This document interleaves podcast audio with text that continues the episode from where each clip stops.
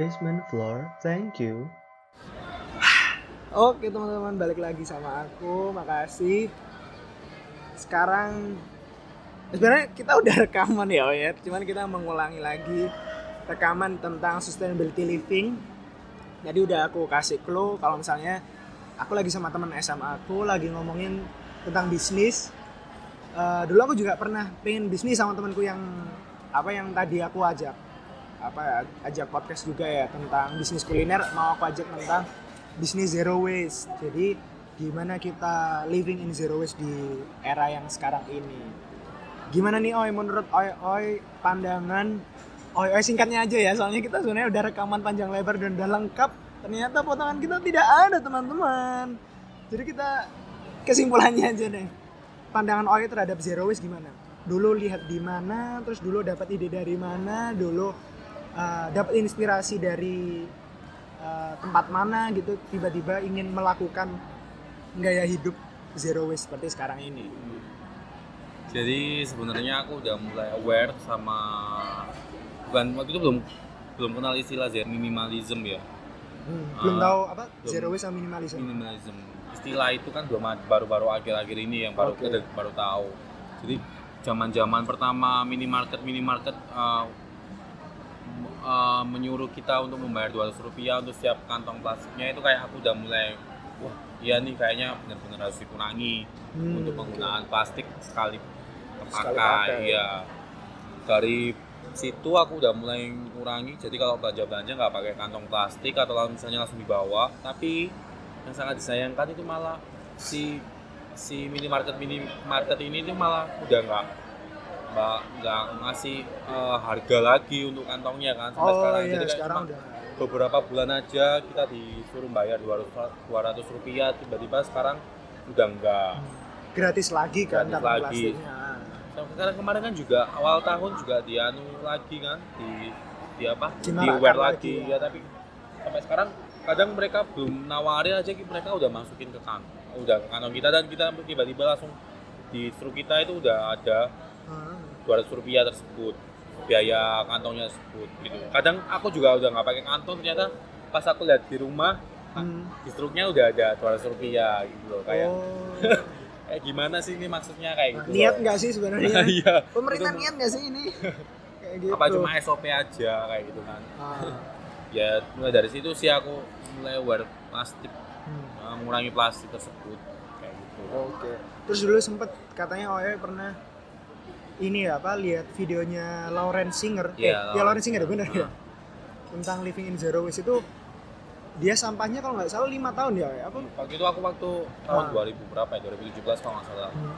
melihat melihat video pertama kalinya dia itu karena uh, dia nyimpen sampahnya sampah rumahnya itu dalam sampah non organik ya jadi kayak plastik plastik kayak potongan kartu kredit label-label Harga gitu. harga stiker kayak gitu dalam cuma lima tahun itu cuma ada dalam satu jar hanya satu jar Hanya satu jar dan itu lima tahun, men. lima tahun Lima tahun bukan satu tahun dua tahun. dia juga sempat di dipanggil sama eh jadi narasumber di TED TED Talk kan gitu sama sempat beberapa sama youtuber youtuber lainnya kalau nggak salah jadi kalau kalau dia nyimpen sampahnya an- yang non organik itu di toples sedangkan yang organik itu di dalam freezer jadi karena mereka eh, kalau dia itu aku lihat eh, juga apa sering masak sendiri jadi Hmm. dia nyimpen wad dia naruh sampah organiknya jadi kayak kupasan kupasan kupasan buah kupasan sayur potongan sayur itu disimpan di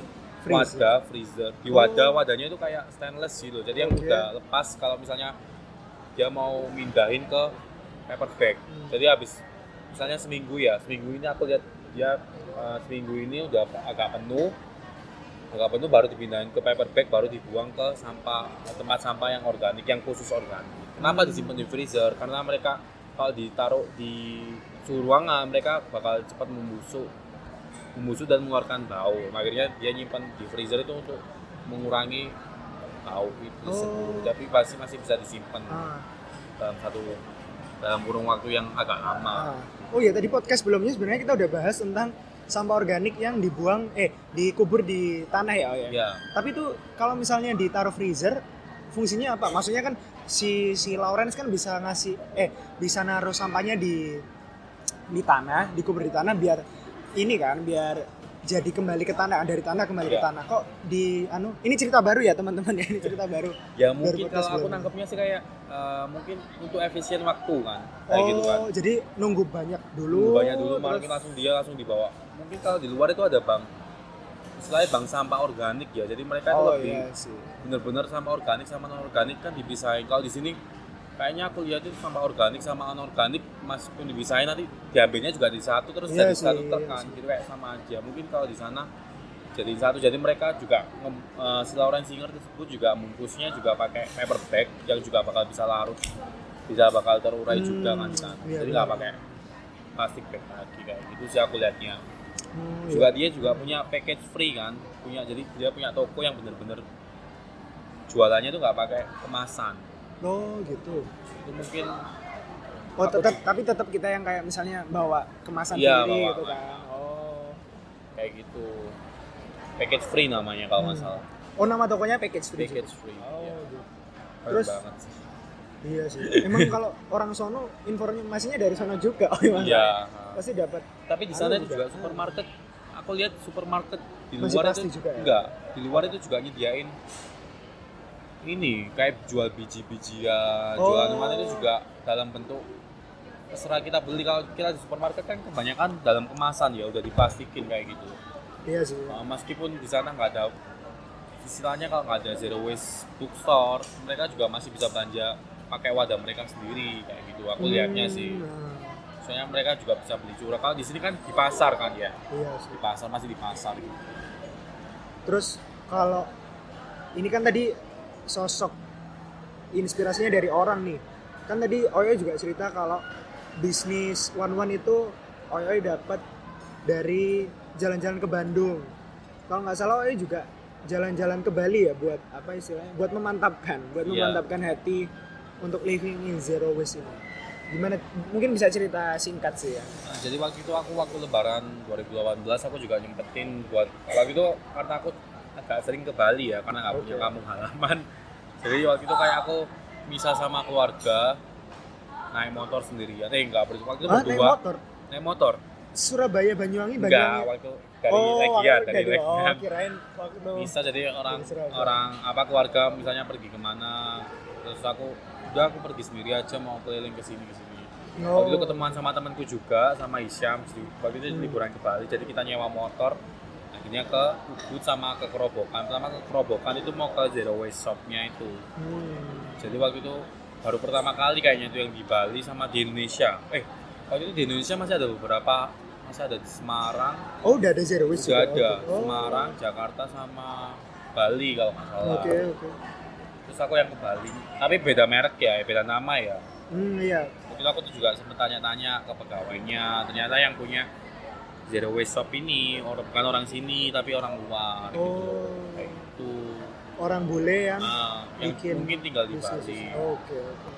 lah aku kiranya kan orang Bali yang bikin tes, bikin konsep toko kayak gitu tuh ternyata bukan orang sini gitu akhirnya aku di sana itu kayak nemu oh, kayaknya ini menarik ya gitu loh kayak kita bisa menggerakkan anak muda anak Hmm. muda yang istilahnya yang Yang masih- aware juga lah. masih bukan yang masih jarang eh masih sering mengkonsumsi Oh, plastik paham, paham, paham. supaya kita mengalihkan gimana sih belanja nggak pakai plastik kayak gitu-gitu loh Hmm. karena di sana itu nggak pakai bener-bener aku baru pertama kali belanja di sana yang bener-bener nggak pakai apa-apa maksudnya kayak kita waktu itu aku juga bawa jar eh nggak bawa jar sih waktu itu aku bawa tempat makan sama botol aja ke sana jadi mereka mereka itu di sana itu masih nyediain paper bag Oh, masih tapi nggak di ini ya nggak di uh, kos jadi paper bagnya itu masih hitungannya gratis Hmm. tapi kalau aku lihat yang sekarang-sekarang ini zero waste zero waste bookstore yang lainnya ini paper bag itu udah dikasih harga Oke. gitu jadi istilahnya kayak kamu mau nyampah aja loh bayar gitu loh meskipun paper bag ya meskipun walaupun dia bisa bakal, diurai lah. uh, ya, tapi bisa terurai istilahnya biar biar ngingetin mindsetnya orang-orang itu kita itu mau nyampah aja bayar gitu Se- seenggaknya apa yang nggak apa yang bisa dikurangin kan ya dihindari gitu kan. Iya sih. Gitu. Toh sekarang juga apa toko Zero Waste nggak di Bali doang ya? Maksudnya nggak di Bali, nggak di Iya. Semarang, tapi di Surabaya kebetulan juga Udah, udah, udah ada mulai dua banyak ya. sih kayaknya. Nah, di Surabaya ada dua, Oke. di selatan itu ada Mama Rama. Itu juga jual ini ya, saus injarnya Oh iya. One One nih. Jadi sas one, sas one one itu tersedia juga di sana. Jadi kalian kalau misalnya habis beli, habis beli saus one one, terus kalian pembelian kedua nanti kalian bisa bisa bawa jar bekas kalian tersebut ke Mama Rama tersebut dan kalian bakal dapat potongan eh, sekitar 10% atau 3000 Oh lumayan tuh, maksudnya apa ya seenggaknya dari kita ya walaupun kita mungkin bukan pakar ya tapi seenggaknya oi oi saya mungkin Iya. dari aku juga berusaha kalau nggak mau dibawa gitu. lagi kalian juga bisa gunain jar tersebut ke misalnya untuk wadah gula, Nah, wadah garam atau tempat pensil atau apa maksudnya bisa- kan ini emang bahan toplesnya kan dari kaca juga Iya, benar benar oh, benar. Jadi emang kita apa ya istilahnya? Dulu sempet aku pernah mikir pengen bikin bisnis zero waste juga bel- sebelum apa sebelum bisnis ini merebak ya. Sekarang udah di mana-mana. Waktu itu Ya. waktu oi oi ke Bali juga ternyata waktu kita hitung-hitung juga costnya gede juga ya modalnya Iya, gede lumayan. terus anu memang karena ketika itu uh, pulang bisnisnya masih jarang dan masih sedikit sih orang-orang yang aware tentang zero Belum- waste belum, iya, belum Hmm, belum terlalu teredukasi belum kayaknya. teredukasi tentang zero waste tapi sekarang ya mungkin ada yang meneruskan mimpi kita ya Iya. oh ya ada yang buka lapak zero waste lah istilahnya kayak gitu. Terus apalagi ya? Tadi beneran udah lengkap teman-teman ya? Ini kita ngambil kesimpulan kesimpulannya aja sih. Eh oh iya aku cerita dikit sih. Mungkin Oya juga pernah sempet dapat temen yang nyinyir ketika kita bawa apa sedotan stainless sendiri kita bawa tumbler sendiri. Terus ketika kita nggak pakai kantong plastik di apa ya di di apa ya di pusat perbelanjaan pusat perbelanjaan kayak gitu. Menurut kita sih apa ya ya ya udah sih terserah. Terserah kalian kalau misalnya mau menilai kita sok-sokan atau gimana. Tapi memang eh, wacananya tuh nggak nggak seremeh itu gitu karena memang sampah atau limbah plastik yang ada di dunia ini me- memang udah benar-benar apa ya udah benar-benar parah gitu ya Hmm. istilahnya kalau dia.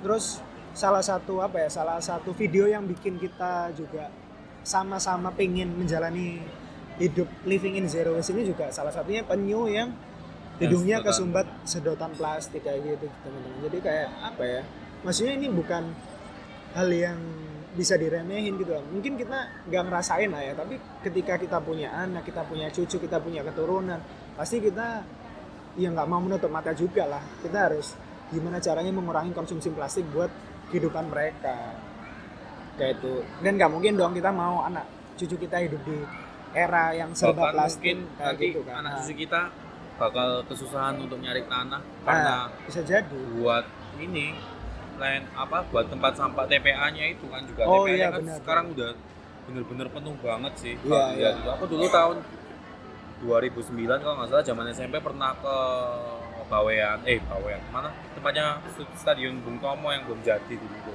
an. Oh iya iya kan dulu deket, ke TPA Deket ya itu TPA bener-bener. Waktu itu jadi waktu itu aku lagi hunting foto waktu itu Hmm. SMP lagi seneng foto hunting hunting foto gitu. Jadi bener-bener kayak penuh banget. Kayak di mana-mana itu. Harus pakai masker kayak gitu-gitu loh. Hmm. itu itu dari zaman 2009 aja udah segitu apalagi sekarang udah tahun 2019 10 tahun kemudian oh iya udah 10 tahun sampai kemarin kan juga ada berita-berita yang di TPA mana kalau nggak salah itu yang sampai roboh TPA-nya gara-gara Oh, iya? terlalu tinggi. oh aku nggak tahu Aku pernah aku pernah lihat lupa kok TPA Oh. mana kayak gitu. Karena emang emang sampah sehari aja udah kita udah ngasilin sampah sehari dan satu kota itu udah berapa ton kan gitu. Hmm. Dan itu tercampur ya. Mungkin mungkin Iya. kalau misalnya organik sama anorganik dipisah mungkin nggak bakal membuat bau seperti itu dan nggak bakal sebanyak itu kayak gitu. even di Surabaya juga sekarang kan udah ada tempat apa ya spot buat buang sampah elektronik juga Oh, ya iya. maksudnya sampah elektronik juga E-waste. e-waste benar soalnya aku bener-bener kayak apa ya beberapa kali itu lihat eh, orang ini loh oh apa ya istilahnya kalau di Surabaya sih istilahnya rombengan apa ya? Rombeng. ya rombeng ya mungkin ah eh pengepul lah, pengepul barang Iya. bekas, pengepul barang bekas. Itu kadang dia kardus iya disimpan, terus habis sampah plastik juga disimpan, terus sampah elektronik juga disimpan. Kadang itu yang bikin apa ya istilahnya? Bikin ya walaupun mungkin mereka nyortir ya, tapi akhirnya eh, distribusi pembuangan sampahnya itu nggak maksimal karena semua sampah akhirnya walaupun disortir akhirnya dijadikan satu lagi kayak gitu sih dan bahkan mungkin perusahaan-perusahaan gede perusahaan-perusahaan makanan-makanan juga sekarang udah banyak lah yang menerapkan zero waste ya ya kayak misalnya McD mungkin udah nggak Iya, pakai sedotan plastik terus chat time juga udah bolehin udah boleh tumbler tapi iya. sebelumnya katanya nggak pernah belum, Belum. belum boleh ya belum boleh bisa diceritain Coy. tadi udah cerita teman-teman ya Nah, jadi jadi waktu itu aku aku karena aku nge-follow salah eh, banyak banget yang yang akun-akun Instagram yang peduli tentang zero waste live eh, living gitu. Salah satunya itu ada salah eh, dia eh, lupa aku namanya tadi. Eh, dia itu kayak nge-mention terus di instastory-nya tentang Ah, oke. chat time yang nggak ngebolehin customernya buat bawa tumbler sendiri gitu loh. Oh karena menurut SOP mereka em, perhitungan penjualan perharian itu mulai dari gelas mereka yang mereka pakai. Hmm. jadi jadi sampai iya sih sampai yang pengen konsumsi cat time tapi nggak mau konsumsi plastik sekali pakai kan kasihan juga gitu. Iya sih ya. mereka kan juga customer mereka gitu loh seharusnya juga dengar tapi akhirnya sekarang udah dibolehin juga. Dan even dapat diskon ya justru Iya, kalau misalnya kita bawa tumbler sendiri kita dapat diskon. Dapat potongan juga gitu. Iya sih. Mungkin apa ya apa itu yang- juga salah satu menurutku salah satu promo buat menarik orang-orang supaya enggak enggak konsumsi plastik sekali pakai juga sih. Jadi orang-orang waduh timbang eh, ketimbang aku konsumsi plastik aku bawa gelas eh, tumbler sendiri nih. Bisa dapat potongan misalnya 5000 itu juga bisa jadi ide-ide buat pembisnis-pembisnis lainnya juga siapa lagi sekarang eh, akhir-akhir ini kan juga banyak menjamur banget kan kedai-kedai kopi Hmm, iya, kedai kopi benar. Surabaya itu. Dan mostly mereka itu pakai gelas plastik dan sedotan plastik meskipun mereka take away ataupun dine in gitu loh. konsumsi misalnya sekali sekali sehari konsum, eh, produksi 1000 gelas plastik 1000 gelas kopi itu udah berarti kan udah 1000 gelas plastik belum sedotannya belum sealernya kayak gitu iya loh benar benar kayak gitu. seharusnya mereka juga ngasih ngasih ngasih Opsi lah ya. opsi gitu Kalau misalnya dine-in- dine in bisa pakai Nah, gelas, kaca. gelas kaca biasa gitu. Terus sedotan juga bisa mereka Sediain pakai stainless kayak di kebetulan juga di Mong Kopi itu punya temenku itu juga udah pakai Stainless. stainless, sih. oh mantap Iya, jadi cuma take away aja kalau di plastik dikasih gelas plastik. Iya sih maksudnya sekarang ya mungkin belum terlalu merebak tapi seenggaknya dikit-dikit lah ya masyarakat Surabaya udah mulai tahu lah tentang zero waste lah ya Oi. Ya walaupun mungkin kita bukan pakar sih, tapi seenggaknya aku sama Oi mungkin salah dua dari beberapa orang di Surabaya yang pengen ngasih tahu kalau misalnya konsumsi plastik di dunia ini udah nggak nggak nggak apa ya nggak masuk akal gitu kan dan limbahnya tuh juga udah ke mana-mana. Jadi kalau misalnya kita emang sayang diri sendiri kita sayang keluarga kita sayang teman kita sayang anak cucu kita seenggaknya eh, kita mulailah mengurangi sampah-sampah plastik sampah-sampah yang mungkin tidak bisa diurai. Karena efeknya bukan setahun dua tahun tapi efeknya beberapa tahun. Bahkan pernah kalau di Instagram tuh juga ada kayak konten-konten plastik-plastik yang diproduksi tahun 50-an sampai Oh, sekarang iya. masih ada kayak gitu. Belum terurai. Ah, belum terurai. Kan 50 tahun tuh kayak ini nih kayak siapa ya? Iya mbah-mbah kita ya, Iya, yang, yang nenek. kita, nek- kakek nenek kita mas, kakek nenek kita masih hidup, sampahnya juga masih hidup kayak gitu kan susah. Apa ya? Ya mungkin itu aja sih mungkin. Ya mungkin walaupun kita terlihat apa ya, kita terlihat sok-sok menjaga lingkungan, tapi emang kita aware gitu loh tentang lingkungan. Jadi tolong jangan dinyinyirin, tapi sebelum nyinyirin kalian juga apa ya, eh, ilm eh, masukin apa ya istilahnya, eh, perkaya dulu kalian sama ilmu-ilmu tentang lingkungan yang lingkungan yang ada sekarang karena emang nggak main-main sih teman-teman. Maksudnya apa yang kita konsumsi apa yang kita gunain itu efeknya juga nggak diri kita sendiri tapi dampaknya ke orang lain tuh juga kena kayak gitu sih. Kayak mulai dari apa kebutuhan sehari-hari. Kebutuhan sehari-hari. Kayak toiletries itu kan juga bisa dikurangin sih kayak beralih ke sikat gigi bambu. Itu juga rasanya sih aku udah pakai itu hampir setahun dan itu rasanya hampir sama kok kayak ke kita pakai sikat gigi yang gagangnya dari plastik. Ah bisa Nah, kayak gitu. kalau kalau aku sendiri sih udah udah ber- beralih dari stot eh stotan apa si sikat gigi itu udah setahun. Terus eh, sabunku sekarang udah nggak pakai sabun cair lagi karena kemasannya sih. Karena sampai sekarang kan belum ada refill itu ya? refill ya Ah. refill sabun atau sampo itu aku udah ganti batangan karena kemasannya kan kemasan kertas jadi lebih bisa terurai. Terus untuk deodoran juga udah nggak pakai udah nggak pakai deodoran roll lagi Ah, roll tapi pakai batu tawas. Itu pun batu tawas juga nggak bau-bau banget kok masih enak banget. Menurutku itu juga sebelum ada eh, apa deodoran roll itu juga kan orang-orang dulu juga makainya pakai batu tawas Iya sih, kayak bener. gitu sama mungkin apalagi lerek ya. Lerek sebagai Lerek. oh lerek Lara itu buat ngurangi deterjen. Buat ngilangin deterjen. buat Lumayan. apa? Gantiin deterjen. Oh buat iya deterjen. Deterjen baju. Kayak gitu. Ada Jadi- sampo bar juga. Tapi kalau sampo bar itu aku masih belum cocok sih. Iya nggak apa-apa Iya, lah ya betul, seenggaknya betul. kita udah mulai mengurangi mengurangi konsumsi yang nggak bisa diurai atau konsumsi plastik kayak gitu. Mungkin ada pesan dari oi oi selain living in zero waste atau mungkin mengurangi bawa kantong plastik atau mengurang apa atau selalu bawa tumbler. Kira-kira apa lagi sih oi? Iya sih kalau kalau yang umumnya sih emang orang-orang udah aware banget sih sekarang udah banyak Oh. udah bawa sedotan plastik eh sedotan stainless udah bawa tote bag udah bawa makanan minum sendiri. Apalagi ya? Kalau- Eh, ini aja sih mungkin kalau pesen-pesen via ojek online oh ha, oke. itu mungkin lebih minta tolong ke drivernya atau tenannya atau yang orang jualan supaya nggak usah. Misalnya kayak misalnya beli nasi goreng. Hmm. misalnya kan biasanya kalau acar oh Terus, pakai plastik kecil nggak pakai gitu plastik. Ya. misalnya kalau nggak pakai ya eh nggak mau ya nggak bilang nggak usah. Supaya kita juga nggak food waste juga kan. Oh Food- itu nggak usah. Atau misalnya jadiin satu aja pak. Atau misalnya sama nggak usah pakai cutleries yang dari plastik. Hmm. itu juga kan kita juga makan di rumah misalnya kita ngurangi juga itu itu hal kecil tapi yang berdampak besar sih. Misalnya hal kecil itu satu hal kecil itu tapi dilakuin oleh seribu orang per hari nah, kan lumayan kan lumayan. berdampak banget kayak gitu loh. Kalau mungkin teman-teman cuman beli apa ya jajan di Indomaret gitu ya udah bawa aja bawa, bawa tangan aja aja, misalnya nggak bawa iya. Nggak usah pakai kantong plastik. Atau kalau misalnya lebih bagus lagi bawa tote bag sendiri lebih mantul kayak gitu sih. Maaf.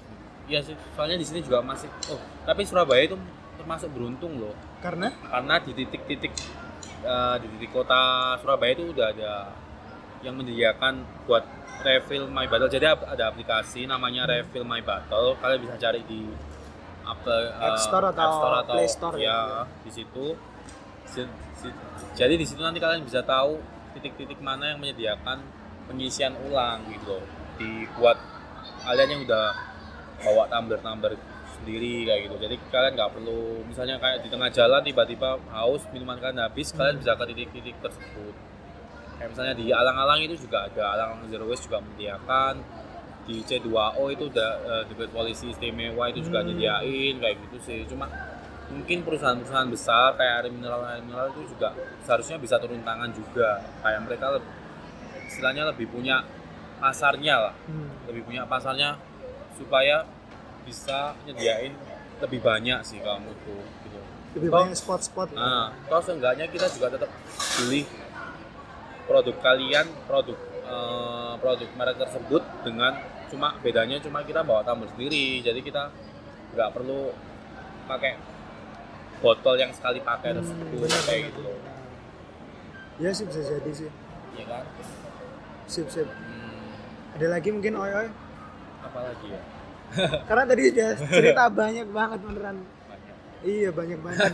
Ini sih mungkin kesimpulan sih dari beberapa bahasan tentang sustainability living by Oi Oi ya, living in zero waste juga. Ya walaupun apa ya istilahnya, kita bukan part praktisi ya, praktisi yang belajar tentang lingkungan bertahun-tahun, tapi setidaknya kita eh, mulai lah, mulai menjaga lingkungan buat anak cucu kita biar hidupnya lebih nyaman lah dari kita yang sekarang. Ada apa ada berita yang TPA roboh ya TPA hancur gara-gara kebanyakan sampah. Terus habis itu ada yang impor sampah itu juga kan oh iya impor sampah. Itu juga. Makanya ya seenggaknya mungkin dari sekarang lah ya dari sekarang ketika kita apa kita beli sesuatu atau kita mengkonsumsi sesuatu mungkin bisa dilihat lagi eh, dilihat lagi bahannya produknya seenggaknya kita Hmm. bisa Termasuk pakaian jaga. juga sih. oh pakaian juga Iya, biasanya pakaian itu kan kayak fast fashion kayak kayak apa ya aku nggak mau nyebutin merek juga. iya jangan jangan Eh, kalau aku sih terserah. karena emang aku dari SMP ya, dari SMP itu suka banget ke ke second hand store. Jadi dulu itu Oh, iya, dulu belum belum ada sek, masih dikit. Jadi waktu aku sering belanja banget ke Gembong atau TP Pagi. Jadi mereka di sana itu kalian bisa dapetin baju-baju bekas yang masih layak sih kalau penuh bener-bener nemuin dengan harga yang lebih murah. Tuh, soalnya kan kalau dulu itu aku nyari di sana karena emang masih harga harga siswa sih kayak, Hmm. kayak lebih menghe- aku menghemat tapi bisa beli baju dengan banyak tapi tetap gak nyampah lah istilahnya kalau Iya, iya. kita beli baru kan iya kadang-kadang nggak kita pakai juga kayak misalnya ini eh, baru-baru ini aku juga baru ganti lemari. Jadi lemariku itu dulu kan kalau orang-orang lemari kan lemari tertutup ya. Hmm. ada pintunya supaya kelihatan rapi nggak kelihatan messy. Sekarang aku itu ganti gaya gaya lemariku gaya hidupku lemarinya itu terbuka. Jadi biar aku tahu seberapa banyak pakaian yang aku miliki dan seberapa pakaian yang belum aku pakai. Kayak ini baju yang aku pakai ini aku dari zaman SMA itu belum aku pakai sampai kuliah. Baru kuliah ini aku baru pakai gara-gara nggak sadar. Karena karena kan kebanyakan yang aku pakai itu yang ada yang seingat aku baru beli Hmm. sama yang di atas saja gitu yang Iya seingatku. iya sih. nah kalau aku pakai pakai apa terapan yang lemari terbuka ini aku bisa lihat dari samping lihat dari mana ya baju yang belum tak pakai. Jadi kita lebih mix and match sama lebih hemat aja sih kayak gitu kalau aku. Karena eh, baju itu juga salah satu limbah yang sulit diurai juga kan. Mereka juga melalui proses pewarnaan. Oh iya benar. Kayak gitu gitu loh. Ya kalau bisa juga beli di nggak aku nggak nyaranin beli Ah. bekas sih mungkin ngurangi aja ya. Ngurangi pembelian pembelian yang bersifat tren. Iya sih. Ya mungkin dari cutleries bisa di eh, bisa dikurangi yang plastik, Hmm. pakaian mungkin bisa sistem terbuka kayak oi oi terus habis itu ke mana-mana juga kita bawa kemasan sendiri lah istilahnya kayak gitu. ya. Dari oi cukup, Ya. dari aku juga cukup. Makasih banyak buat semuanya. Eh, sorry kalau misalnya kelihatannya justru sustainability living ini bahasnya terlalu singkat karena kita sebenarnya udah rekaman agak panjang dan ternyata nggak terus nggak kesimpan teman-teman kayak gitu mungkin nanti ada kesempatan lain kita ngobrol lagi sama Oi tentang bisnisnya atau tentang eh, tentang gaya hidupnya atau tentang hal-hal yang lain bisa bisa bisa bisa lagi kayak gitu. Dan mungkin ada saran buat eh, saran buat topik saran buat teman-teman yang bisa diajak kolaborasi silahkan banget kayak gitu. Dan aku makasih banyak Oi Oi udah dua Iya. episode diajak ngobrol tentang hal-hal yang kita sama-sama uh, interest dan makin apa ya makin banyak teman-teman juga yang aware masalah lingkungan. Makasih banyak. Oke itu aja. Don't hate just spread the love